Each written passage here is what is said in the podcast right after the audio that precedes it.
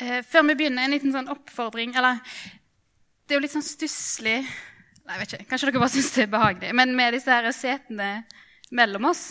Eh, men, men, det slo meg når jeg var på, på møte her for noen uker siden, at, eh, at, disse her ledige setene overalt gir oss en litt sånn ekstra, ekstra mulighet. Eh, kanskje særlig til oss som trenger å få litt sånne, sånne åndelige ting litt mer sånn konkret og invitere seg. For her har vi en gyllen mulighet til å huske det at når vi er her nå, så er vi på møte med Jesus. For det er jo mye som kan distrahere oss.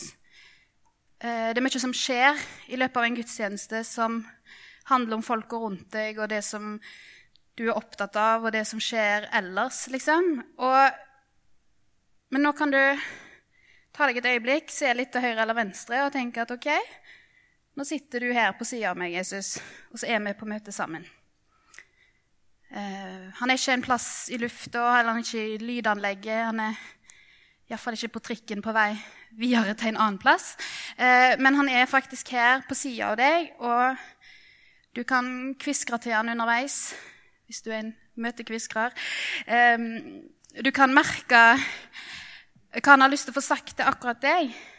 Og du kan vite det at han bryr seg om, om, du, om, det som vi gjør her i kveld. Vi som lever nå, vi har ikke muligheten til å se Jesus helt konkret som et menneske, til, til å kjenne han. Um, og jeg tror ikke jeg er den eneste som av og til savner den muligheten. Men, men i kveld så, så, har vi en litt sånn ekstra mulighet til å si at nå, nå, er jeg her sammen med deg, Jesus, og så er jeg interessert i at vi skal, skal være her sammen synge sammen, be sammen, lære noe sammen. Jeg fortsetter bare å be. Jesus, takk at du er her sammen med oss. Og takk at det er så konkret som, du, som om du sitter i stolen på sida av oss. Egentlig er du enda nærmere. Um, hjelp oss til å skjønne det og merke det, og til å høre det du har lyst til å gi hver enkelt av oss i kveld. Amen. Her på lørdagskveldene er vi godt i gang med en serie om dette med å vitne. Eller både det å vitne og det å være et vitne. Og For noen dager siden så snakket jeg med noen gode venner om akkurat det. Om å være et vitne for Jesus. Og så snakket vi om hvem vi ser rundt oss som er gode forbilder for oss på det området. Og så begynte vi å nevne folk som vi tenkte på av ulike grunner. Pga. store livsvalg de hadde tatt, eh, ting de engasjerte seg i, situasjoner de hadde vært med på, eller hvordan vi sjøl hadde blitt møtt av de. Men så snakket vi litt videre om hva det er som liksom gjør et godt vitne. Hva er liksom kriteriene for å være et godt vitne? Eh, handler det om resultater? Handler det om å gjøre bestemte ting i bestemte situasjoner. Være den som griper den muligheten på studiet til å liksom, eh, få sagt et poeng. Så, er, er, det sånne ting det handler om? Om hva du engasjerer deg i på fritida? Handler det om hva som skjer med folk rundt deg? For det er vel ofte sånne ting vi tenker på når vi skal tenke på det å være et vitne. Iallfall når jeg tenker på det å være et vitne, så handler det fort om hva jeg skal si, eller hva jeg skal gjøre i bestemte situasjoner. Så snakket vi om dette, men så utvikla samtalen seg litt videre. Og så gikk vi over til å snakke om litt andre ting. Snakket vi om dette med integritet, med helhet, om å være ekte. Og så endte vi med å snakke om at den viktigste vitnetjenesten ikke nødvendigvis er i de der store engasjementene og tiltakene. Iallfall ikke bare der, men i det som er på en måte hele livet. Og at de som jeg ser aller mest opp til når det gjelder å peke på Jesus, det er òg de som lever tett på Jesus. Så det avgjørende er ikke hva de er leder for, eller hvem de snakker til, men hvor livet deres er er forankra. Og da kan det liksom ikke noe annet enn å skinne gjennom. Og så ser vi det de gjør, og så stoler vi på at det stemmer, for vi ser at det er ekte. Vi ser at dette Dette kommer fra en plass. Dette er ikke tull. Og jeg vet ikke om det at jeg sier det, gjør at det føles mer eller mindre komplisert å være et vitne. Kanskje blir du litt sånn stressa, eller det er litt sånn diffust. Ja, ok, det er et eller annet som skal skinne gjennom. Men hvordan skaffer vi oss det? Hvordan skaffer vi oss det som er ekte? Og jeg tror jo det er noe vi ikke skal skaffe oss, men det er noe vi får. Og så tror jeg ofte det er noe som andre merker på oss, før vi merker det sjøl. Og det handler iallfall ikke om bestemte personlighetstyper og introvert og ekstrovert og utadvendt og innadvendt og alt det der. Eh, det handler ikke om bestemte egenskaper, men, men det kommer av kontakt med Jesus. Det er noe vi kan be om, og det er noe vi kan lære mer om og vokse i. Og Det er der jeg har lyst til vi skal være litt i dag. At vi skal snakke om denne forankringen, om integriteten, helheten. For uten den så blir vi fort gjennomskua. Da blir ting litt platt. Men med den helheten så vil folk merke at vi har noe, uansett om vi er på butikken eller om vi er i kirka. Før vi går videre til det, så skal du få noen sekunder til å gjøre akkurat den samme øvelsen som, som jeg gjorde for noen dager siden. Tenk deg om, hvem, hvem ser du opp til som vitner? Hvem kjenner du, hvem kjenner du til, som du tenker er et godt forbilde på det å leve som et vitne for Jesus? Og hvorfor er de det? Tenk litt på det sjøl, eller snakk gjerne med noen i nærheten av deg om det i et lite øyeblikk. Vær så god. Så får dere fortsette den samtalen etterpå eller på hjemmekveld eller en annen gang. Eh, men ja eh, Vi skal begynne med et av de tydeligste vitnemønstrene i Bibelen som vi kan lære av å leve etter. Vi skal til apostelens gjerninger. Vi skal være en del, del der i dag. Og i livet til de aller første kristne. Ehm, I begynnelsen av den boka i Bibelen så drar Jesus til himmelen. Eh, og de kristne blir etterlatt med instrukser om å spre budskapet om han. Eh, pluss at de får Den hellige ånd, som er en slags sånn oppgradert erstatning for Jesus. En veldig bra leiebil, på en måte. Men ja, eh, Og så følger vi flere videre i boka, særlig Peter og etter hvert Paulus, mens de lever videre som kristne uten at de har Jesus fysisk fysisk med seg. Og mens de finner ut av hvordan livet som disippel skal se ut nå eh, på denne måten. Så leser vi om helbredelser, om store taler, om møter med enkeltpersoner. Du har en del situasjoner som går overveldende bra, en del situasjoner som går ganske dårlig, en del ting de må rømme fra, situasjoner der de ikke klarer å rømme engang. Eh, det strammer seg veldig fort til. Allerede i kapittel 7 i Apostelens gjerninger så blir den første personen drept, Stefanus, fordi han er en kristen. Og, og, lenge før det og lenge etter det så får de kristne motstand både fra folk i gata og fra religiøse og politiske ledere. Så det må ha vært ganske intenst å være kristen på denne tida. Og her, i dette her intense og nye, så ser vi et mønster. Og det handler ikke om folk som skjerper seg, eller om nye strategier eller tiltak. Men det handler om bønn. Om kontinuerlig bønn. Og om bønn i bestemte sammenhenger og i en bestemt rekkefølge. Bønn først, og så en minneverdig hendelse. Eh, og Vi skal se på noen bibeltekster som forteller litt om det. For så har vi apostelgjerningene kapittel 1 Rett etter Jesus har, har dratt til himmelen, eh, så står det at inne i byen gikk de opp på den salen hvor de pleide å holde til. Og det var da, da, da, da, da. Alle disse var der. Og de holdt trofast sammen i bønn, sammen med noen kvinner og Maria, Jesu mor, og brødrene hans. Så altså reaksjonen, Det første som skjer etter at Jesus har reist, er at ok, nå må vi samles, og så må vi be. For nå er det dette vi trenger eh, for å komme oss videre. Og så leser vi i kapittel to kjente vers Her har pinsedag vært mellom, og de har fått Den hellige ånd. Og så står det om de kristne at de holdt seg trofast til apostelens lære og fellesskapet, til brødsbrytelsen og bønnene. Altså de hadde et levende menighetsliv. Og det som skjedde i det, var at hver og en ble grepet av ærefrykt, og mange under og tegn ble gjort av apostlene. Og litt videre de sang og lovpriste Gud og var godt likt av hele folket. Og hver dag la Herren til nye som lot seg frelse.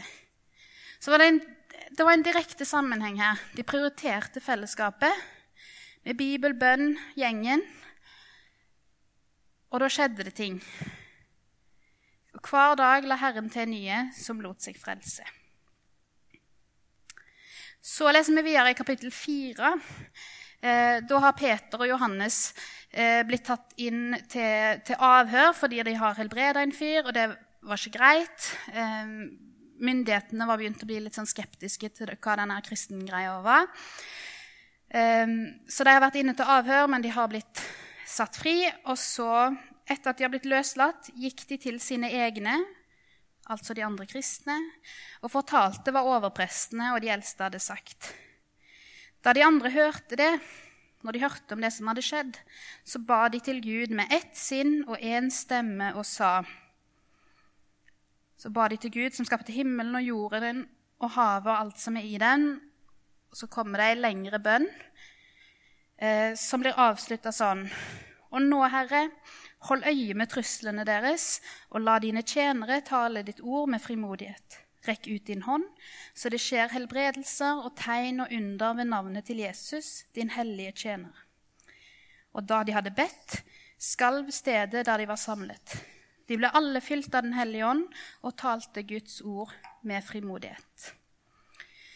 Så igjen, da det skjedde en sånn dramatisk ting, en sånn stor ja, trussel eh, i fellesskapet deres, reaksjonen er spontant OK, vi må ha et bønnemøte her nå. Eh, og her får vi faktisk vite litt hva de ba om. Eh, de var opptatt av hvem de ba til. Og så ba de om dette her, Gud, nå må du følge med på disse truslene som vi syns er skremmende. Og så må du hjelpe oss til å tale ditt ord med frimodighet. Og så får vi bønnesvaret på det siste der. leser vi om med en gang. De ble alle fylt av Den hellige ånd og talte Guds ord med frimodighet. Så der fikk de bønnesvar spontant, momentant. Eh, og når vi leser videre, så ser vi at resten av bønnen òg ble veldig konkret besvart i deres situasjon. Så hopper vi et stykke til kapittel 12, eh, der Peter igjen blir tatt og blir kasta i fengsel, hvor fire vaktskift hvert på fire mann ble satt til å holde vakt over ham. Så ville Herodes, lederen, føre ham fram for folket etter påske. Peter ble da sittende i fengselet, og imens ba menigheten inderlig til Gud for ham. Så Peter, en av de mest sentrale personene blant de første kristne, ble kasta i fengsel. De vet ikke hva som kommer til å skje. Hva er reaksjonen til de andre kristne? Jo, vi må ha et bønnemøte. Nå må vi be. Uh, og det som skjer i fortsettelsen der, er at uh, Peter blir møtt av en engel inne i fengselet. Og blir leda ut av fengselet uten problem av den engelen.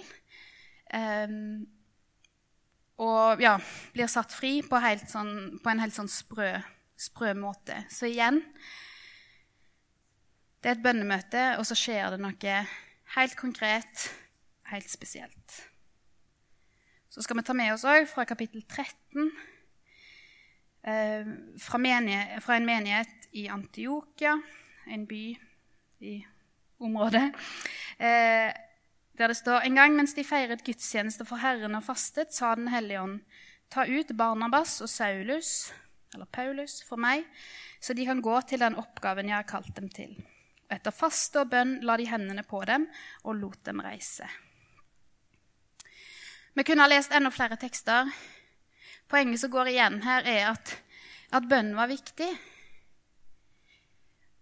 Og de prioriterte bønn generelt, og de prioriterte bønn ekstra når det var et eller annet spesielt som skjedde og det vi ser, er at hver gang det er noe som skjer, så er det noen som ber. Det har alltid vært et bønnemøte først. det har ikke bare skjedd. Og vi ser det at de som var kristne, de, de var avhengige av å leve tett på Jesus. Vi kan på en måte snu på det og si at de som levde tett på Jesus, det var de som så at ting skjedde.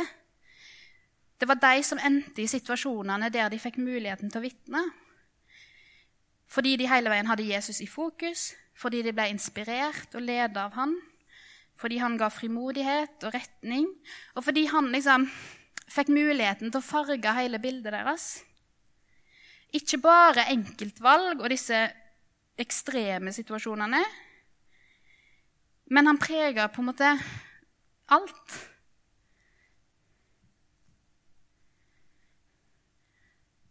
Så leste vi ei bønn her, men vi vet, ikke, vi vet ikke alt hva de ba om på disse bønnesamlingene sine. Uh, og de ba nok ikke bare om dette å være gode kristne vitner eller om at mange skulle bli frelst. Jeg tipper de ba om alt, de. Om det de var opptatt av, for menneskene de møtte, for det de bekymra seg for. Om at pengene og tida og kreftene og helsa og relasjonene måtte holde. Men fordi de ble prega av Jesus og stolte på han, så gjorde det òg noe med dem som vitner. Så i tillegg til at dette var bønn som var bra for dem, som handla om deres behov, og de fikk veiledning og trøst, så ble de samtidig utrusta til noe mer. For dette måtte bli synlig, at det de hadde å fortelle om, det betydde noe for dem. Det var ikke bare ord, det var ikke bare et punkt i en kalender. Det var noe som var noe. Og så gjorde det òg noe med hvordan de så seg sjøl i den store sammenhengen. Og det er så lett for oss å plassere oss sjøl i sentrum for det vi er med på. Og det gjelder òg de tingene som egentlig har med Gud å gjøre.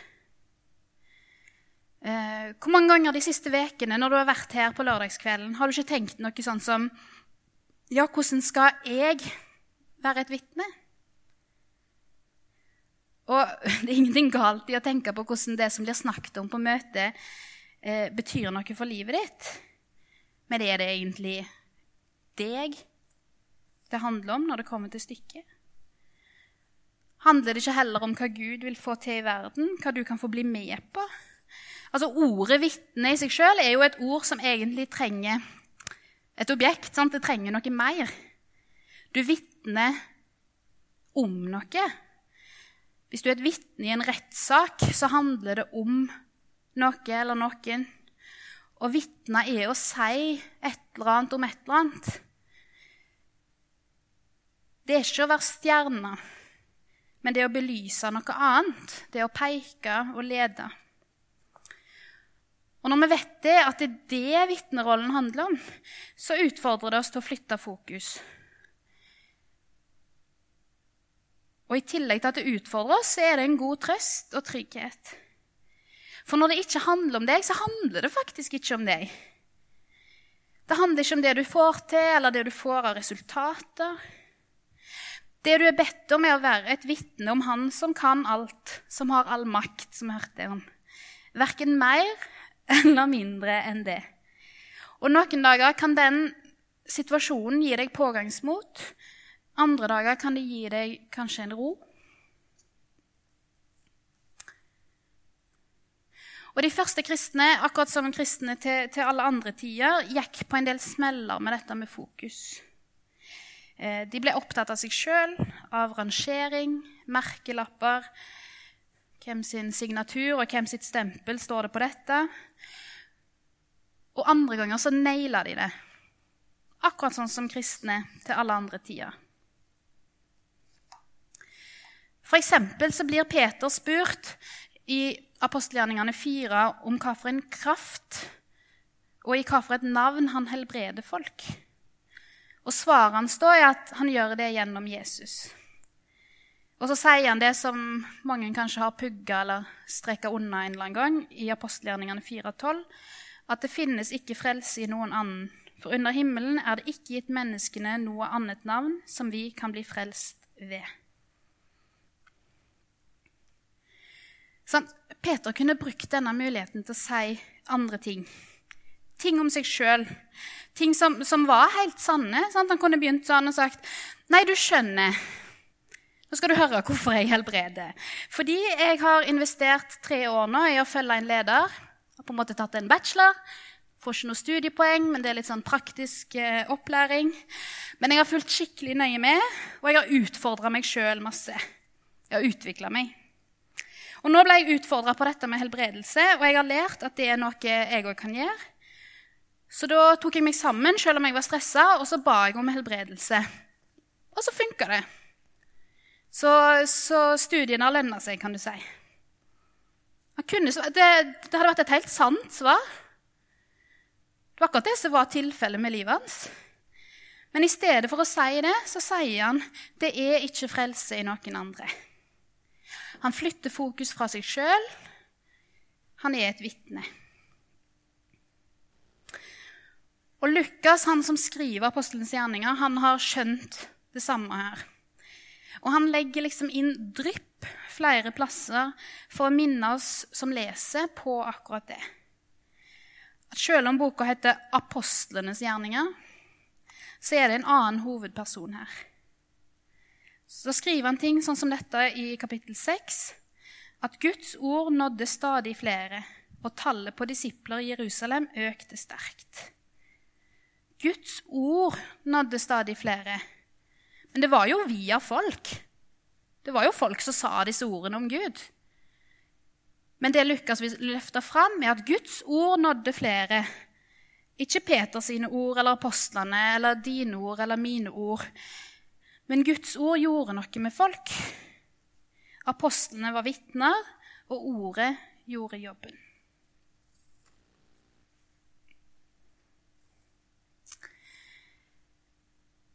Jesus sine disipler de hadde lært dette her helt fra starten.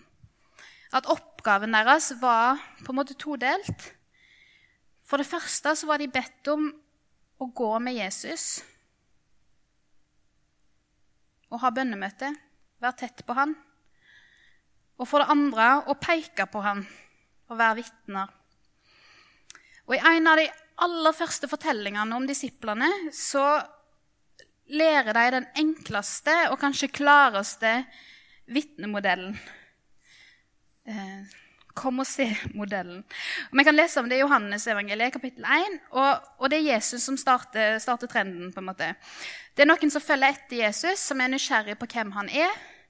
Og så inviterer han dem med. Så sier han, 'Ja, kom og se'. Bli med, opplev sjøl, følg etter meg og se hva som, hva som skjer rundt meg. Og så fortsetter disiplene med dette. De, de går til andre og sier liksom Nå er han her, han som vi har venta på, Messias. Eh, nå er Jesus her. Og så nøler folk og er skeptiske. Og så sier disiplene, 'Nei, men kom og se. Kom og se.' Og så tar de de med for å oppleve sjøl noe av det de har eh, som de kanskje ikke klarer å forklare, men de får vist det. Sånn at folk kan oppleve, høre og finne ut av dette med Jesus sjøl.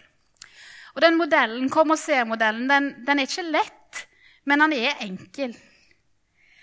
Det handler om å invitere noen til å se sjøl, til å se det du har sett og hørt. Det er nettopp det å vitne og peke og lyse, sånn at andre kan få oppleve noe av det som er viktig for deg.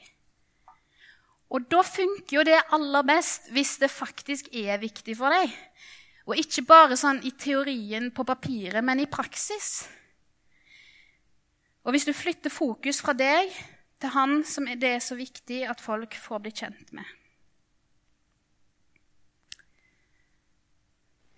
Til slutt, hva, hva betyr dette, da? For meg, for deg? I mitt liv så betyr det f.eks. at jeg får lyst til å prøve ikke bare tenke på å få med Philip på to år på gudstjeneste, eller å få til å lese i barnebibelen mens vi spiser kveldsmat. Men, altså, det er viktige rutiner der, men, men, jeg tror ikke de tingene kommer til å gjøre varig inntrykk på han før han ser hvorfor det er viktig for meg og for familien vår at vi går på gudstjeneste, at vi leser i Bibelen. At det handler om avhengighet, om fellesskap og tru. Og at dette er ting som spiller inn i avgjørelser, i hvordan vi snakker om andre, i hvordan vi møter vanskeligheter, og hva jeg prioriterer tida mi på når jeg er hjemme og alene. Generelt så kan det bety å gi rom for Gud i hverdagen. Å be hver morgen om å få se hvordan han er til stede i dagen din. Eller alltid snakke med Gud om det du tenker på når bussen til skolen passerer et bestemt busstopp. Eller snakke om Jesus og ikke bare alt annet med de kristne vennene dine. Det kan bety å senke lista for hva det vil si å vitne, men å samtidig huske hva det vil si å være et vitne. At du er en som peker videre, som sier 'kom og se'. En som vekker nysgjerrighet, som inkluderer. En som har med Jesus i regnestykket, både sitt eget og i møte med andre. Sjøl når du møter de som ikke er vant til å tenke at han betyr noe fra eller til. Mer konkret enn det, det får du bli sjøl. Ta gjerne det med deg eh, mens vi, i tankene mens vi lovsynger videre sammen.